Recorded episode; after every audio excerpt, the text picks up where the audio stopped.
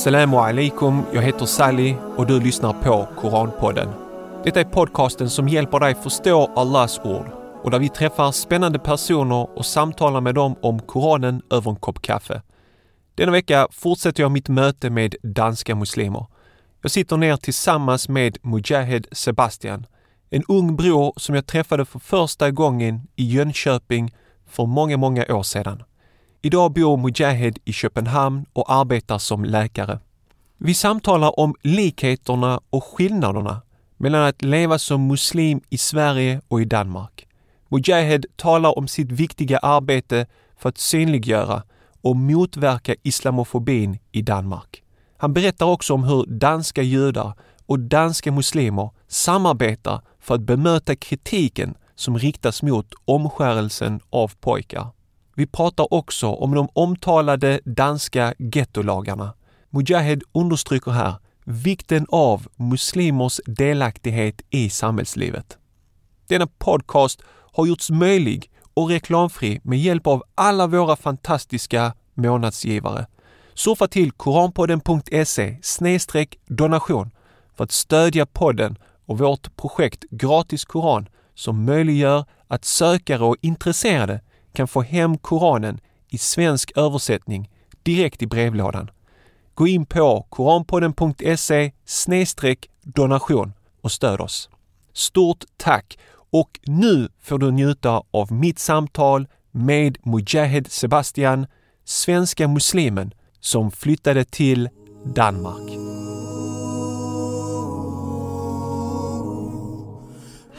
Sådär, då vill jag välkomna Mujahid till Koranpodden. Välkommen Mujahid! Tack så mycket, det är en förnöjelse att vara med. Det var många, många år sedan jag träffade dig sist. Eh, då var du en ganska ung kille, levde i Jönköping, pluggade och jag kommer ihåg att du tog hand om moskéns eh, bibliotek.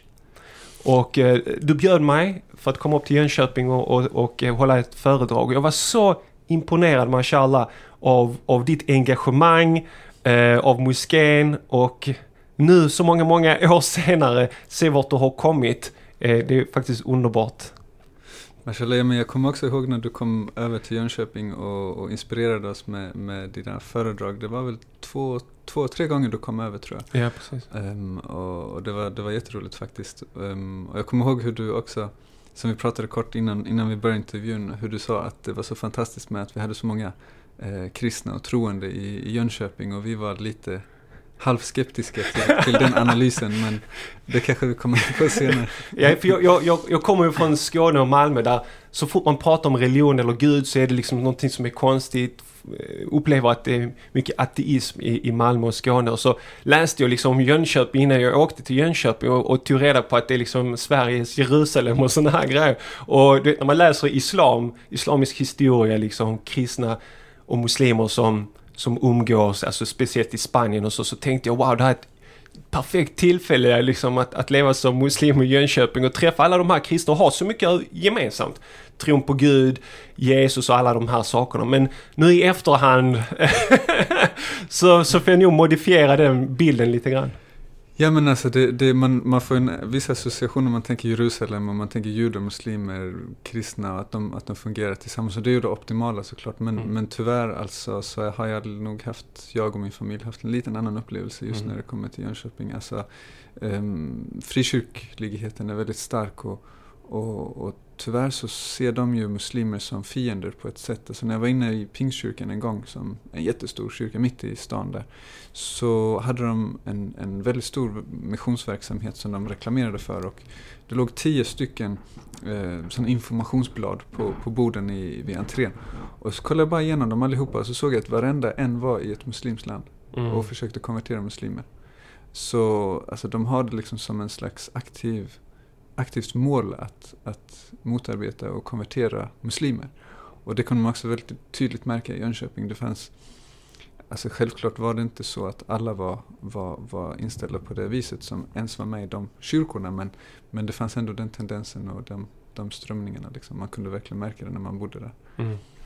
Eh, ja, just det. Jag har ju läst på också en hel del om frikyrkliga kristna och följt deras verksamhet på webbsidor och annat. Och jag, jag, kan se vad de skriver om islam, vad de tycker om islam. Så jag kan förstå att det är problematiskt då att leva i Jönköping så, och där det finns mycket frikyrkliga kristna det som jag blev överraskad var när jag träffade din familj i Tahara-butiken i Malmö och bara åh vad roligt! Eh, eh, Mujahids eh, föräldrar är här och hela familjen och sådär. Och sen så fick jag veta att familjen flyttade ner till Malmö och jag var vad är det som lockar till Malmö? Bara så, nej, det, det är lite tufft i Jönköping liksom. Jo men det, alltså Malmö och Jönköping är ju två olika världar. Alltså man tror inte att det är samma land ens en gång. Mm. Alltså jag vet att Malmö har blivit eh, undersökt som, som den mest toleranta staden i Sverige. Att de unga i, i skolorna är, är de mest öppna och, och öppensinnade. Det är precis tvärtom i Jönköping. Alltså det är väldigt, väldigt låst och väldigt konservativt. Mm. Men jag vet att de, alltså, och det kanske man ser som muslim som något positivt. Men jag vet att det är många ungdomar som festar och dricker mjölk istället för alkohol. Och det är ju bara, alltså vi är 2000-talet. Och jag förstår att man som muslim tänker att ah, det är positivt, men, men det är också väldigt överdrivet. Ja. Så det är mycket sådana saker i Jönköping som är väldigt, väldigt konstiga. Och i Malmö så tycker jag bara att människor är bara helt mycket mer naturliga och det är en, det är en liksom världsstad på ett sätt som Jönköping verkligen inte var. En... Nu vill jag inte pra prata negativt om Jönköping specifikt, men, men det är bara, alltså, faktum är att vi flyttade därifrån på grund av att det var så mycket eh, av den här slags, eh, alltså folk, eh, mycket, mycket nepotism och mycket problem kring just det här frikyrkligheten. Mm. Och den, den, liknande problem med nepotism som finns ju överallt och det finns även i Malmö. Men, men just frikyrkligheten är inte lika stark och den har skapat lika mycket problem i Malmö. Mm. För att det finns så mycket olika typer av människor, inte bara muslimer men, men också andra typer av människor. Så det, det är någonting väldigt positivt med Malmö. Och nu sitter vi i Köpenhamn och, och lyssnarna undrar nog varför intervjuar Salim Mujahid från Jönköping i, i Köpenhamn? Varför är vi inte i en stad i, i Sverige, till exempel Malmö? Men dina studier tog dig till Köpenhamn, vill du berätta lite grann om det? Eh, ja, när jag var 20, faktiskt på min 20 födelsedag, så flyttade jag ner hit till Köpenhamn för att läsa till läkare. Och det var ju för att det var lättare att komma in här än det var i, i Sverige. Och, och därför så, så började jag här, men så trivdes jag så mycket så jag stannade kvar. Och när jag blev färdig för ungefär två år sedan som läkare så, så stannade jag kvar här och jobbade som eh, läkare först på, på, på Bornholm, en ö som ju ligger utanför Sverige. Och... Uh, ja, men där har man varit ibland, alltså man kan ju mm. besöka Bornholm. Ja, Precis. de skojar om att de är reservsvenskar, de som bor där. Och de pratar ju lite speciellt också. Så okay. Folk som är från Danmark skojar om att de har blandat ihop svenskan och danskan lite. Det, det var, de pratar faktiskt lite kul där. Aha, okay. Men där, där spenderade jag ett år. Och det roliga var att eh, just med hänsyn till det här med islam, så det var faktiskt eh, rätt många muslimer där. Eh, det bodde 500-600 muslimer där. Och det var för att borgmästaren där aktivt hade tagit emot väldigt mycket flyktingar från Syrien och eh, Etiopien, Somalia och Irak och Iran och så vidare. Så det, och det, det, är alltså en liten ö utanför? Det är en liten ö med 35-40 000 invånare. Okay. Så var det 500-600 muslimer där. Och, eh, så hamnade hade, du där? Ja, så kom jag dit och efter två, tre månader så hittade jag moskén som de hade byggt. Nej, det var nästa fråga. Har de en moské där? De hade byggt en jättefin moské. Så det var en, vad, menar vi nu? Källarmoské eller är det liksom? Det var, en, det var en gammal sällskapslokal som de hade renoverat upp och så liknade det verkligen en moské när du kom in där. Alltså det stod liksom shahada på väggarna och ja. det, var, alltså, det var riktigt fint. Jag blev verkligen imponerad över vad de hade gjort. Och, och jag träffade jättemånga trevliga människor, fortfarande kontakt med flera muslimer där trots att jag har flyttat därifrån nu. Mm. Uh, jätte, jättetrevligt uh, litet community där. Så det, ah, häftigt, jag måste åka dit och Absolut. göra poddinspelningar med dem där. Du kanske har några connections? Ja, alltså tyvärr så har moskén stängt ner. Nej, uh, okay. Jag försökte verkligen hjälpa dem med att samla in pengar och sånt. Åkte runt lite i Danmark och sånt och pratade med folk i England men det lyckades inte tyvärr. Mm. Så um, vi, vi var tvungna att eller de var tvungna att lägga ner moskén faktiskt. Så var ber de nu? Har de någon temporär ställe eller? Jag vet att det finns en bror som heter Modasser som är fantastisk. Han, han har en liten gård mm. eh, som, och bor lite utanför eh, Rönne som är, som är liksom Bornholms huvudstad. Mm. Och jag vet att han, han bjuder in bröder dit ibland och mm. sådär, så ber de där tillsammans. Så hur länge har du varit i Danmark? Eh, åtta år snart. Åtta år. Ja. Och då, då, kan du danska. Så om du vill lära oss lite danska Ja, selvfølgelig. Det kan jeg, det kan sagtens gøre. Mashallah. Vad va, va vill du lära? vad vill jag lära mig? Uh, Okej, okay, så vi låter oss ta dem uh, så här. Uh, typ, hur mår du när man träffar någon? Uh, hvordan går det? Hvordan går det? Alltså för mig låter det så, hur, hur, hur går det? Är det Ja. så? Eller? Ja, hvordan har du det eller hvordan går det? det ja. Okej. Och- Jag älskar dig. Ehm, det har- Där fick du tänka det, efter det, lite Det grann. tror jag inte jag har sagt på danska. Men det är faktiskt väldigt eh, likt svenskan. Jag, jag älskar dig. Jag älskar Ja, dig, ja precis. Och eh, vad ska man mer kunna hitta på? Vad, vad finns det för, för uppfattningar om svenskar i Danmark? Man tänker, man tänker väldigt annorlunda i Sverige och Danmark. Alltså det är väldigt stor kulturskillnad. Alltså trots Mm. att vi bor så nära varandra. Alltså man, man måste säga att danskarna är väldigt mer eh, laid back och väldigt mycket rakare också. Mm. Alltså svenskar är mer eh, neutrala och politiska och alltså korrekt, politiskt korrekta. Och, och vi säger inte alltid det vi tycker. Mm. För att det kanske inte låter positivt eller bra eh, just i stunden så då låter vi bli. Mm. Men det gör inte danskar, de säger rakt, saker rakt ut. Mm. Och när jag kom hit så, så var det lite svårt som svensk och ung och så vidare att hantera det. Och, alltså jag tyckte folk var otrevliga. Det var så Ja, jag tolkade precis. dem. Men, de, men, men det har jag lärt mig att det handlar inte om att vara otrevlig. Det handlar bara om att de är rakare och de Mm. säger saker som de tycker de är. Mm. Och, och det gör vi inte så mycket i Sverige. Så det var, Nej, men det, vet, som en svensk jag är som är född och uppväxt i Sverige, vet, om man har kritik som man ska framföra så vill man liksom framföra linda och- in den. Ja, linda in den och man vill, man vill inte såra någon. Så man, man går på tårna, du vet, så här och försöker lägga fram det väldigt diplomatiskt. Det gör inte dansken. Nej, de bara BAM! In your face boy! Det är så, alltså när jag kom ut till exempel och jobbade som undersköterska parallellt med studiet så, så var ju sjuksköterskorna ofta sådana. Sjuksköterskorna kunde Mm. säga, så ska du inte göra. Mm. Så tänkte jag, okej, det kunde du ha sagt lite mer chili. men, men, men, och jag menar, du är ändå läkare, är inte hon lite under dig då? Eller? Nej, men jag var ju undersköterska då. Så. Jaha, okej, Ja. okej. Mm.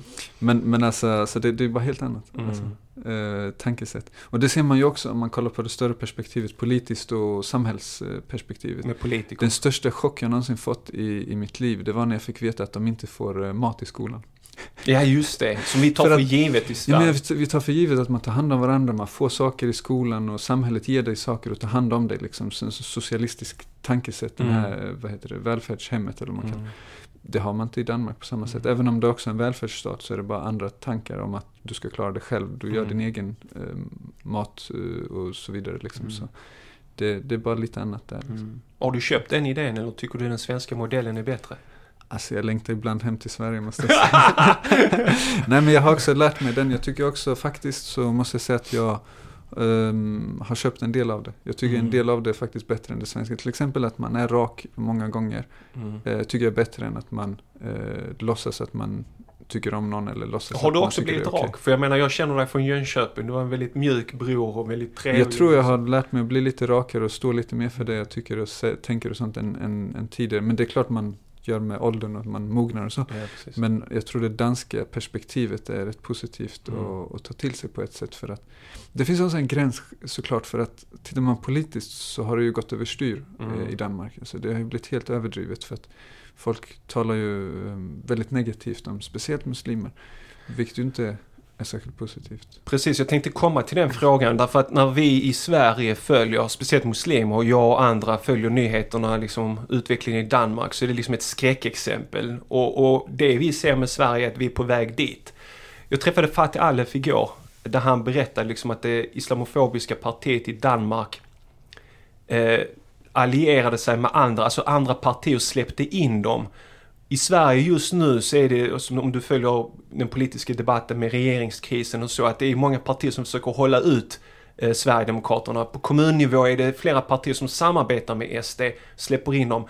Och många går med liksom, ja men vi ska bara få igenom vår egen politik och därför behöver vi SD på vår sida. Men SD är ju inte dumma och bara, jaha vi ska vara ett stödparti, utan de har ju också saker de vill föra igenom. Så när Fatih Alef berättar om detta, det var så det var i Danmark tidigare och han sa att än så länge i Sverige så verkar det som att ni håller emot. Men det, det känns som att det är en tidsfråga innan det tippar över i Sverige också. SD får ännu mer inflytande. Men Ja, alltså det, det, det, det, det jag kan säga är att jag är rätt stolt över de svenska förhållandena inte vidare för att jag tycker det är fantastiskt av de här partierna som håller emot, alltså både Folkpartiet, Mm. alltså Liberalerna och, och Centern och sossarna och allihopa som, som kämpar för att, att liksom inte låta Sverigedemokraterna komma in. Jag tycker det är fantastiskt.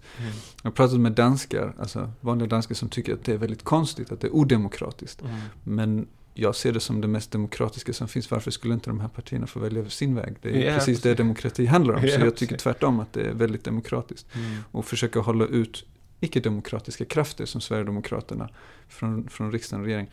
Alltså nu har jag ju forskat lite på det här. Jag leder ju en organisation som just har till ehm, eh, alltså vision och mål att, att göra islamofobin mer eh, erkänd. För att islamofobi har inte ens varit erkänd som ett ord eller en term i Danmark. Man har liksom Okej. sopat den under mattan och man har ju Mm. försökt säga att ah, men det finns inget hat mot muslimer. Det finns ingen, ingen diskrimination överhuvudtaget utan det är muslimernas eget fel och det är invandrarna som ställer till det och det är de som är gängmedlemmar och det är de som är Mm. kriminella och så vidare.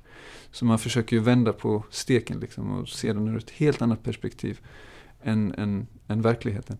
Och, och därför så grundade vi en organisation, faktiskt jag och Fatih Alev för Mm. cirka tre år sedan. Och, och den organisationen, där, där har vi liksom kartlagt islamofobin. Vad heter organisationen? Organisationen heter Center för dansk-muslimska relationer. Och, och där, där gör vi en, skriver vi en rapport varje år om islamofobi. Så senaste årets rapport, alltså förra årets rapport, den blir skickad ut över hela Europa. Och, och där ser man ju verkligen um, skillnaden mellan Sverige och Danmark. För den rapport som den ingick i, den, där var det en rapport från varje land. Mm. Så den svenska rapporten och den danska rapporten kunde man ju lätt jämföra. Och det, gjorde, det, gjorde, det har jag suttit och kollat på och det är ju det är ganska stor skillnad på Mm. Sverige och Danmark eh, i det här hänseendet. Och, och den största skillnaden skulle jag vilja säga det är att, att vi är kanske 10, 15, kanske till och med 20 år längre fram i utvecklingen i Danmark på den populistiska eh, Mm. vågen, om man säger, än, än vad man är i Sverige. I Sverige har man kanske varit där i 5-10 år på väg mot en populism. Ehm, men det började redan början av 1990-talet i Danmark. Mm. När Ny Demokrati i Sverige Dog eh, ut. dog ut Ja. så, så levde den liksom vidare genom, genom Pierre Kjaersgaards mentor eh, Mogens Glistrup. Mm. Och, och han, han eh, var ju advokat och väldigt eh, intelligent men också väldigt dum på det viset att han, han hade ju bara ett mål i princip och det var ju svartmåla muslimer. Mm. Och, och pratade om hur vi bara väntade på att mörda hela den eh, resterande danska befolkningen och alltså han var ju helt galen. Ja. Och Och så det, recep- i receptionen här nere Ja. så är det en som jobbar i receptionen och på hans tag står det Omar liksom. och han hjälpte mig, var jättetrevlig för hade problem att komma upp eh, på, med hissen. Han bara kom och visade liksom med kortet hur man gör. Hur trevligt som helst. Det, man lyfter inte fram sådana. Fast de är överallt. De är taxichaufförer och allt möjligt. det är ju det som är det stora eh, grejen i Danmark skulle jag säga att, att saker och ting fungerar. Vardagsrasismen är inte särskilt stor. Alltså Mm. människor blir diskriminerade men den värsta faktorn just när det kommer till det här med islamofobi är politikerna. Alltså politikerna äggar på och försöker att vinna röster och, och, och skapar hela problemet. Mm. Så alltså politikerna skulle jag vilja säga är problemet. Eh, Jag tror inte att vardagsdansken har något större problem med muslimer eller tvärtom. Mm. Utan det är helt enkelt att det är politikerna som skapar hela, hela grejen och, och, och skapar debatten och skapar till exempel det här med niqab. Det är några hundra människor som någonsin har burit det i Danmark. Ja, och så skapar politikerna en fråga Mm. som är en icke-fråga. Mm.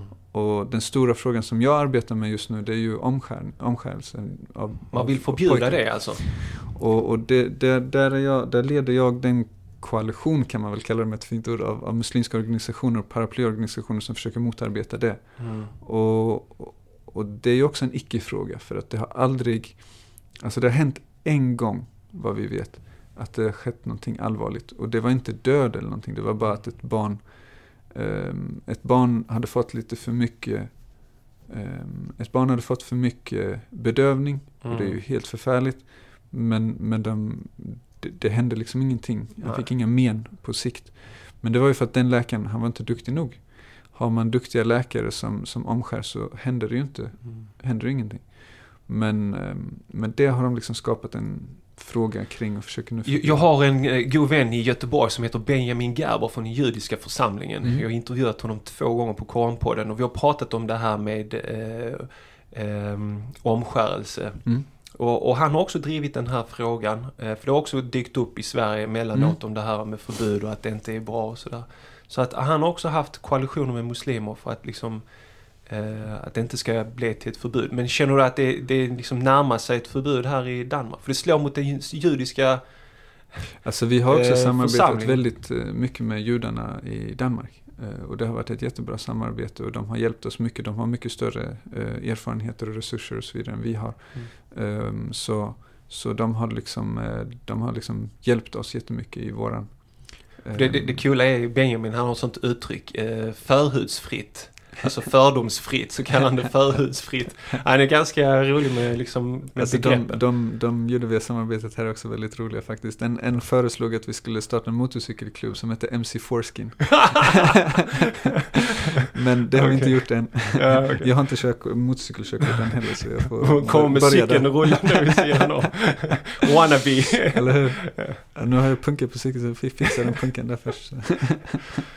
Ja men det, det är viktigt att man bygger koalitioner med andra och liksom samarbetar för att... Eh, hur är det med halal och kosher och sånt? Det är under hot också. Det har ju varit det och det blev ju förbjudet, eh, delvis förbjudet för eh, några, några år sedan. Jag kommer inte ihåg om det var 2012 eller 2014 men de förbjöd ju faktiskt ehm, vissa former av s- slaktning. Alltså Mm. jag tror att, nu har jag inte satt mig in i den för jag har varit upptagen med, med omskärelsegrejen men men jag tror att det så som det är nu är förbjudet att, om, att, att slakta utan bedövning. Mm. Till exempel kor och får och så vidare. Jag tror det är så det förhåller sig. Men man får importera eh, halal och kosher kött utan Mm, problem. okej. Så jag tror det är så det är just nu. Mm. Och så finns det ju muslimer som säger att det är okej att använda bedövning och därför så gör de det i alla fall med bedövning och så vidare. Men, men det är ju en sån både teologisk och teoretisk fråga. Liksom. Precis.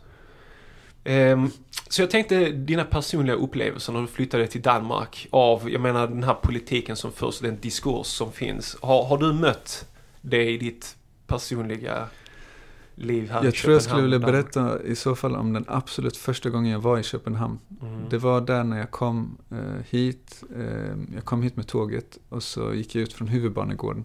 Och det är nog många svenskar som har gjort det, så det är ju väldigt populärt resmål. Så kom jag ut och så gick jag mot Rådhusplatsen. Mm. Och så var det en jättestor banner. ehm, med, med en man som hade, få, hade en blåtira i ansiktet. Och, och såg alltså slagen Mm. ut. Och så stod det Tror du muslimer ber om blå ögon? Wow! Och jag bara frös till Ja. och tänkte Wow, har jag kommit till världens mest rasistiska land eller vad har hänt? Alltså vad, vad, vad är det här för någonting? ja, just det. Och jag blev chockad, jag stod i en minut och bara stirrade på den och Vad är bara det för tänkte något de vill, shit. ja, vad är det de vill liksom föra ut med det Ja. budskapet? Att man ska... Och jag blev rädd, du vet. Ja. Jag tänkte, vad, vad händer? Och så Ja. gick jag närmare och så tänkte jag, jag ska inte vara fördomsfull svensk. Jag tänkte, vi, vi har ändå vissa fördomar mot danskar. Det kan hända att budskapet är omvänt. Det är att också typiskt svenskt. Ta reda på det, Ja. eh, inga fördomar. Så det jag gjorde var, jag gick, gick till Rådhusplatsen hela vägen. Man såg den i flera hundra meters håll. Det var en jättestor banner. Och Den, den täckte ett halvt hus. Och så gick jag fram och så kollade jag på det, så stod det polisen. Och så stod det kommunen som avsändare. Mm. Och så stod det stoppa hatet. Mhm. Stoppa hatet-kampanj.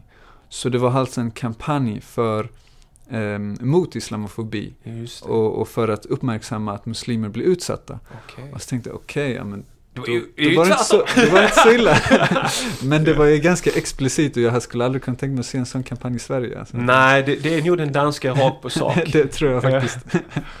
Men det var positiv. Det var min första ja. upplevelse överhuvudtaget i Danmark Mm. och, och det har ju påverkat att, det har ju också gjort att jag har engagerat mig i islamofobin i Danmark och tagit, alltså jag gjorde ju en del, en del frivilligarbete som vi pratade om det här med att ta hand om bibliotek i moské och sånt så jag har alltid gjort någonting men, men det viljan att, att vara med och påverka den danska kontexten och, och politiken och så vidare det beror ju på att jag har sett sådana här saker överallt och, Mm. och jämfört med Sverige och sett att det är bara så mycket värre än i Sverige Mm, på många punkter. Mm. Så det var den första. Har varit med om någonting annat liknande eller? Ja men sen har jag ju engagerat mig så har jag ju träffat alla möjliga människor. Alltså jag har träffat riksdagspolitiker, jag har träffat journalister, jag har ju alltså, skrivit rapporter om ämnet så jag har varit med liksom i, i centrum, för det här och liksom varit med och byggt upp och påverkat. Och en, en person som, eh, som, som har påverkat, inspirerat mig också mycket det är en, en man som heter Alex Sabur. Han är konvertit, um, iranier. Och ehm, hans, hans familj var liksom inte religiös eller så, men när han för fyra, fem år sedan eh, liksom hade bildat familj och så vidare så, kom, så valde han att bli muslim, att praktiserande, be sina böner och så vidare. Och så, och så ehm, är det så att han har en eh, bakgrund som eh, PR-snubbe, eller advertiser. Okej. Så han, han bestämde sig förra året för att börja använda det liksom fisabilillah. Ja. Och nu har han vunnit alla stora priser i världen för advertisement. Han har varit i New York, i London och överallt i dans, de da, största danska priserna för advertisement. För, det, för att han just gjorde de här sakerna. Eh, Vilka saker gjorde. då? Han, han, ehm, han valde att göra en video som hette Jag är dansk. Den har Det blivit måste jag ha med i anteckningar till det här avsnittet. Så de som är intresserade av att se det här, finns det på YouTube eller? Den, den har blivit sedd 500 miljoner gånger. Det är en av de mest sedda videorna i världen. 500 miljoner Ja. gånger! Den är extremt stor. God! Så jag, ska- ger dig länk och sånt. Ja, så de som är intresserade kan gå in på avsnittet. Den Alltså är- gå in på kampodden.se, in på Absolut. avsnittet så finns länken där. Det fixar vi och den, den, är, den är riktigt inspirerande. Hans dotter är bland annat med. Okej. Eh, Men jag kanske inte ska säga så mycket mer. Men den är väldigt politiskt laddad och den handlar ju om just det här problemet med att Mm. bli erkänd som dansk när du inte eh, Men det, budskapet måste ha varit så intressant att den även kan nå andra grupper. Alltså, så, att, Ja, så att andra alltså- kan identifiera sig eller se problemet. Den utgick ju från en, ett uttalande av Martin Henriksen som är integrationsminister i Dansk Folkeparti och, och liksom regeringen. Han sa ju att, ehm, alltså han, han sa ju att man kan inte, man kan inte vara dansk eh, och muslim samtidigt. Typ. Det, var, Mm. det, var det, det var det hans poäng var. Vi känner igen det Och att muslimer, ja, att muslimer liksom är det stora problemet. här. Det stod han och sa rakt ut i, i riksdagen. Inte extremister eller Nej, han sa ordagrant muslim. muslimer, alltså invandrare med muslimsk bakgrund Mm. är det stora problemet. Mm. Exakt så sa han. Mm.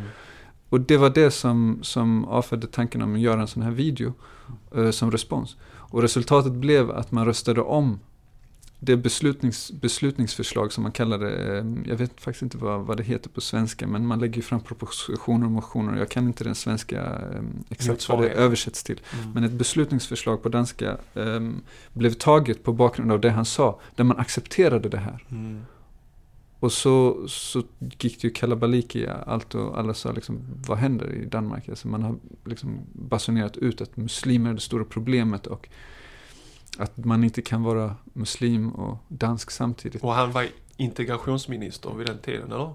Eh, han, är, han är Dansk Eh, Folkepartis Folkeparti- integrationsordförande Ja. och eh, jag vet inte, alltså jag tror han kommer åka ut ur riksdagen nu som Mm. tur är till nästa val, det verkar så. Men i alla fall så, så, så var den här videon en respons till det. Mm. Och, och resultatet blev att man röstade om i riksdagen och försökte få bort den här formuleringen. Mm. Eh, det lyckades inte.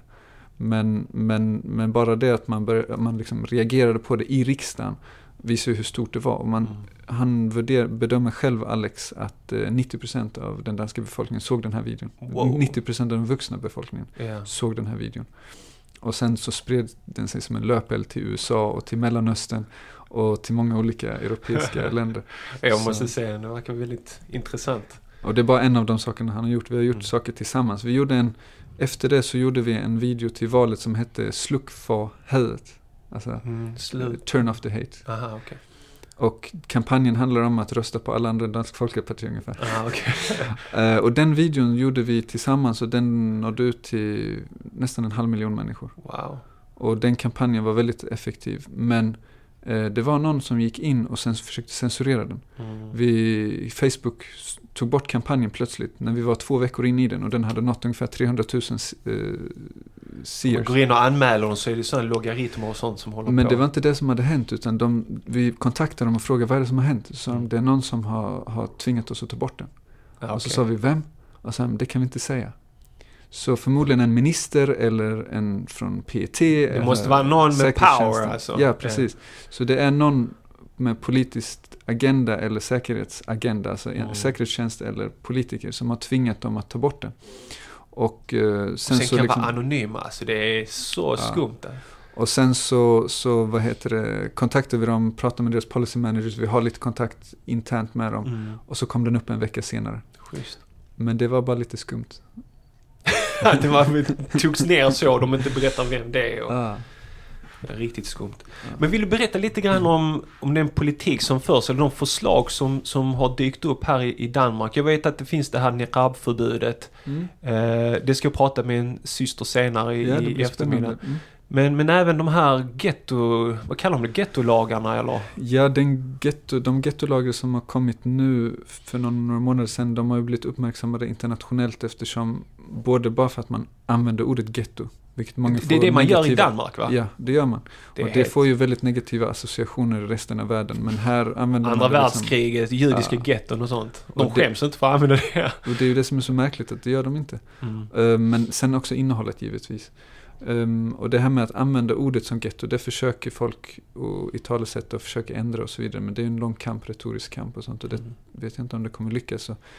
Sen den innehållet i den är ju ingenting jämfört med det som föreslogs av till exempel Martin Henriksson Mm. innan eh, det hela gick igenom. Han föreslog ju helt sjuka saker som utegångsförbud, hvis man, bara man var eh, av utländsk härkomst efter en viss tidpunkt på dygnet. Alltså typ efter klockan åtta eller någonting så skulle inte utländska killar få gå ut. Eller, alltså, det var helt, helt, helt galna grejer. Och fotbojor och förbud att bygga moskéer i vissa områden och alltså massa konstiga grejer.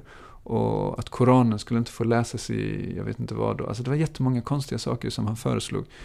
Och det som så, det så slutade med det, det, är ju bara små saker jämförelsevis. Mm. Så, och det, den, den delen kom ju aldrig upp i den internationella debatten, utan där tog man ju bara fasta på att man använde det ordet och Mm. innehållet av det som, Mm. som kom Men det igenom. som, har, det som har gått igenom nu då, de pratar om något om att bara invandrarbarn, småbarn ska, ska få liksom obligatoriska timmar i dansk... eh, Ja, jag tror det som folk har gått mest eh, in i och stör sig mest på det är ju att, att små barn ska liksom indoktrineras i den Danska, kulturen och språket och så vidare lite grann. Alltså det, att det inte ska vara liksom upp till den individuella familjen och skolan och så vidare utan att det ska liksom från statligt håll aktivt Mm. tvingas eh, in med x antal timmar och så vidare. Och det, det, det är ju lite märkligt. Alltså man, man, man, man eh, målar ut en specifik grupp som ett problem och sen Ja. tvingar man på dem danska värderingar Exakt. i tim, timmar i undervisning och så vidare. Mm. Och sen andra blonda, blåögda danska barn som bär på massa fördomar och Ja.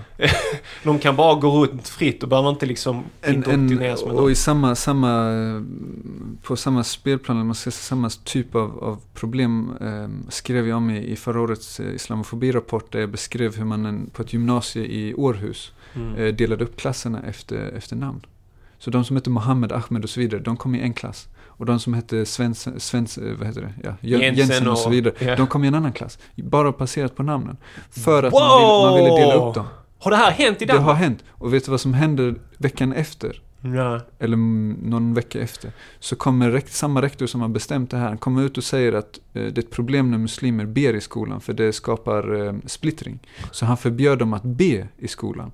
Så Wow. först delar han upp klasserna på det viset, och sen förbjuder han folk att använda bönerummen. Men så, det, här, det här ändrades sen då? Nej, sen, vet du vad som hände? Så gick undervisningsministern ut och ratificerade och sa att det var okej.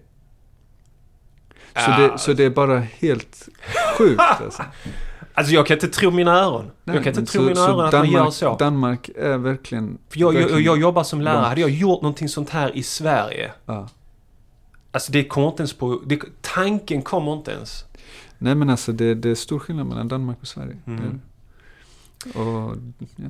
Va, vad tror du är den bästa strategin för att försöka få till en förändring i Danmark? det, det är ju det vi har försökt liksom studera. Det är därför vi har skrivit de här rapporterna. Liksom, För Mm. att försöka få en, en eh, vetenskaplig förklaring på vad som kan göras. Och inte bara ha massa åsikter och tankar och så vidare. Mm. Och det man kan se det är ju att som sagt politiker och medier spelar ju en enorm roll.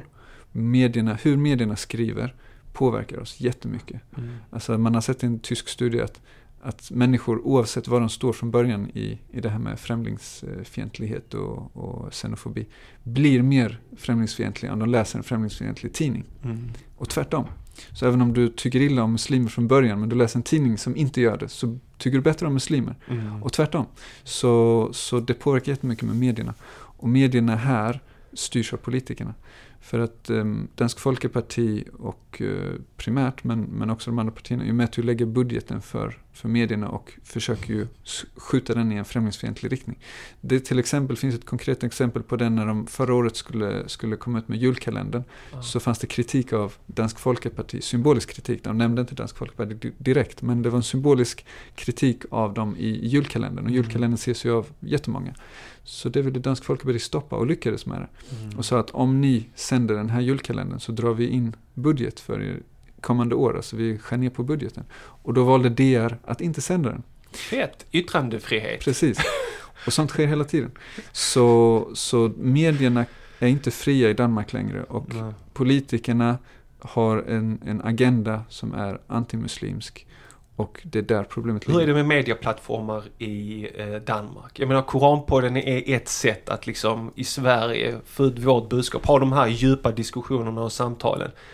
Finns det liknande? För jag, vet att det fanns en dansk muslimsk radiokanal. Mm, eh, ja. Finns det sådana initiativ? Ja, det finns en som heter Radio Y. Eh, bland annat som jag också varit, eh, en del av de som har varit med där eh, mm. har varit, har jag, känner jag och, och, har också varit involverad i vår organisation. Eh, jag vet att du ska prata med Tarek Ghanom senare. Ja, ja, och, och, han har också varit med lite där i den radion. Så mm. han vet lite mer om den tror jag. Jag ska nog ta det med honom. Du hade några koranverser som du ville dela med dig. Eh, eller yeah. innan vi kommer till koranverser skulle jag gärna vilja höra dina, dina tips och råd till oss som befinner oss i Sverige. När du ser skillnaderna, när du ser att du är i Danmark 20 år framåt i Sverige. Vi har tid i Sverige, vi har tid att kunna påverka på ett helt annorlunda sätt än danska muslimer. Så vad skulle vara ditt råd och tips till, till svenska muslimer? Alltså att inte tillåta sig själv att bli, eh, vad ska man säga, eh, avskuren från det svenska samhället utan att, att äga sin, sin svenskhet. Att, att säga, alltså säga stopp när någon säger att man inte är svensk för att man är muslim till exempel. Så sätter man stopp där. Liksom. Som, så fantastiskt som, nu har vi en, en, en, eh, en syster i, i slöja i riksdagen. Sånt ska det vara mer av. Alltså, vi ska delta i samhället. Det är det det handlar om. Så om vi deltar på alla nivåer i samhället så motarbetar vi att, att utvecklingen går åt det hållet. Alltså, vi, ska inte, vi ska inte tillåta någon att eh, att diskriminera oss eller att eh, stänga ut oss från fotbollsklubbar, politiska partier, eh, intervjuer. Alltså det som har hänt här är att folk har dragit sig tillbaka. Folk vill inte, muslimer vill inte vara med i intervjuer. Muslimer vill inte vara med i politiska partier. För de känner sig inte välkomna. Men vi måste stå på, eh, stå på, oss och delta i samhället på alla nivåer. Mm. Eh, höga som låga som alltså, mm. vardagliga. Vi måste helt enkelt vara med i samhället och, och ta den platsen som vi, vi vill. Liksom. Mm. Det, det, tror jag är det viktigaste. Okej, okay, och så koranverserna. ja. Eh, jag har en, en, en koran, en aya från, från Al-Imran. Mm. Och um, för, att, för att det ska ge sammanhang så är det ju många gånger i aya så kanske jag blir tvungen att läsa både den föregående och... Du läser exakt vad du känner för. Super. Men jag tror jag läser upp den bara från, från Koranens budskap. Jag har Absolut. den här framför mig. Och det är alltså um, aya 3, 133 och 3, 134. Bismillahirrahmanirrahim. وسارعوا إلى مغفره من ربكم وجنه وجنه عرضها السماوات والارض اعدت للمتقين Och tävla med varandra om er Herres förlåtelse och ett paradis, lika vidsträckt som himlarna och jorden, som står berett att ta emot det gudfruktiga. الذين ينفقون في السراء والضراء والكاظمين الغيظ والعافين عن الناس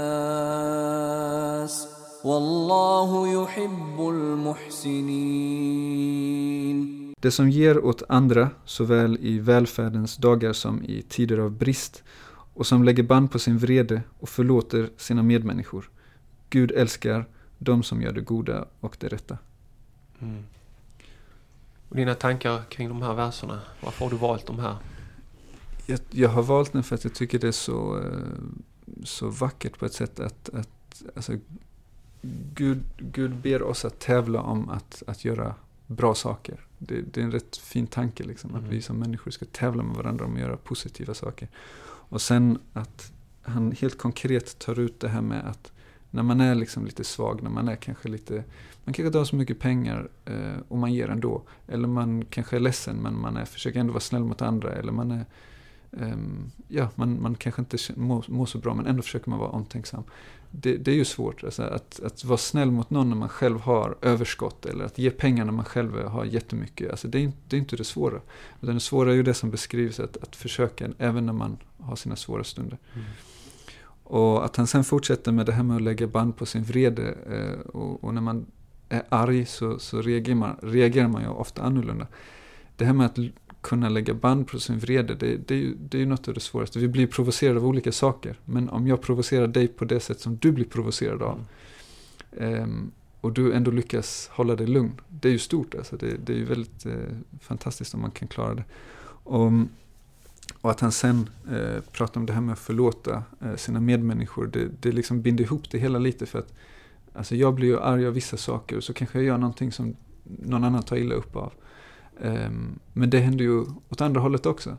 Och att vi då kommer ihåg det att vi är människor och vi måste förlåta varandra för att vi är inte perfekta, vi är människor. Liksom. Det, det tycker jag det är en fin eh, röd tråd i hela, den här, det hela här, de här två aja. Och, och sen avslutar Gud med att, att han älskar de här människorna som, som förhåller sig på det här viset. Och det är ju så stort alltså att Gud älskar någon. Vi pratar om att vi älskar profeten, vi älskar Gud. Men att Gud älskar oss om vi gör de här sakerna, det tycker jag bara är så himla stort. Precis, Guds kärlek är, kommer inte i närheten av den mänskliga kärleken, mm. eller den kärleken vi kan uppleva här på jorden. Det måste vara mycket större och finare ja. på alla möjliga sätt. O, obeskrivlig liksom. Jag tycker den, det, är så, det är så djupt avsnitt och så tankevärt. Och så, nu, nu, har jag ju, nu har jag gift mig nyligen. Ja, och, grattis! Eh, ja, tack så mycket. Och, och, då är det ju också andra saker man börjar tänka på som mm. man, man konfronteras med eh, än, än man har gjort innan. Och jag vet att min eh, hustru just nu håller på att lära sig den här, eh, den här ayan för att mm. Det var ju en, en hadis om om, om en sahaba som, som satt i moskén och så var det en slav som hällde upp te och så spillde han på honom. Mm. Och slaven var också muslim. Men han såg att han blev arg så han läste den här aya. Mm. Och då sa den här eh, sahaba att okej, okay, jag är inte arg längre. Ja, och då sa jag den till min fru, hon skrattade jättemycket. Så sa hon, då ska jag lära mig den aya. så varje gång man blir liksom arg eller något sånt så bara, du vet den här versen. Men det är, det är ju så livet är, så att vi behöver påminnelser om hur vi ska leva och i relationer så, så blir det ansträngningar, alltså prövningar jag har själv varit gift nu ganska länge så, så jag vet. Den som säger att ett, ett äktenskap bara har varit eh, gröna ängar och eh, sådär, de, de hittar nog på det mesta. Men, eh, eh, men det är så vi växer som människor. Att vi går igenom sådana prövningar och situationer och kommer ur det och lär oss. Ibland misslyckas vi. Men vi har de här verserna som påminner oss om förlåtelse, att lägga band på vår vrede och försöka göra bättre nästa gång inshallah. Inshallah. inshallah. Mujahid, det har varit en, en ära och ett eh, sant nöje att ha dig här och samtala med dig. Jag hoppas inshallah att vi i framtiden kan träffas flera gånger. Inshallah, tack så mycket för att jag fick vara med. Du är så hjärtligt välkommen. Ha en trevlig dag. Tack så mycket, detsamma. Salam alaikum. Tack för att du lyssnade på mitt samtal med Mujahid Sebastian. En fantastisk ung person med ett starkt engagemang och stor kärlek till Koranen. En stor inspirationskälla för oss alla. Jag hoppas du fann samtalet lika intressant som jag gjorde. Vill du lämna en kommentar direkt till Mujahed, Gå in på koranpodden.se 67 och lämna en kommentar längst ner på sidan. Om du vill stödja Koranpodden och fortsätta låta den vara reklamfri så kan du stödja oss genom att surfa till koranpodden.se donera. Tack ska du ha! I nästa veckas avsnitt får du träffa Muzna Amara som bär niqab, ansiktsslöja. Efter burkaförbudet i Danmark ses hon nu som kriminell om hon vistas med sin niqab offentligt. Vi samtalar bland annat om religionsfriheten i Danmark och hur Muzna gör motstånd mot denna lag. Här kommer ett kort utdrag ur det samtalet. It's actually funny because sometimes I just feel more support from non Muslims than Muslims. It's kind of sad because I think that we really need to step up as Muslims. We really need to. I want to see strong Muslim uh, youth. I want to be really want to see that. I want to see strong women, even uh, Muslim women, uh, taking action and not just being behind and not doing anything about it. Missa inte samtalet om burkaförbudet på måndag inshallah. Det är en intervju som egentligen berör oss alla. Religionfrihetens vara eller icke vara. Var går gränsen? Följ oss på Facebook och Instagram för inspirerande och upplyftande korancitat under hela veckan. Vill du komma i kontakt med mig så gör du det lättast genom att mejla mig på hej koranpodden.se. Då återstår det bara för mig att önska dig en härlig vecka. Tack för att du lyssnar på Koranpodden. Vi hörs igen nästa vecka på måndag inshallah. Ta hand om dig. Salamu alaikum wa rahmatullahi wa barakatuhu.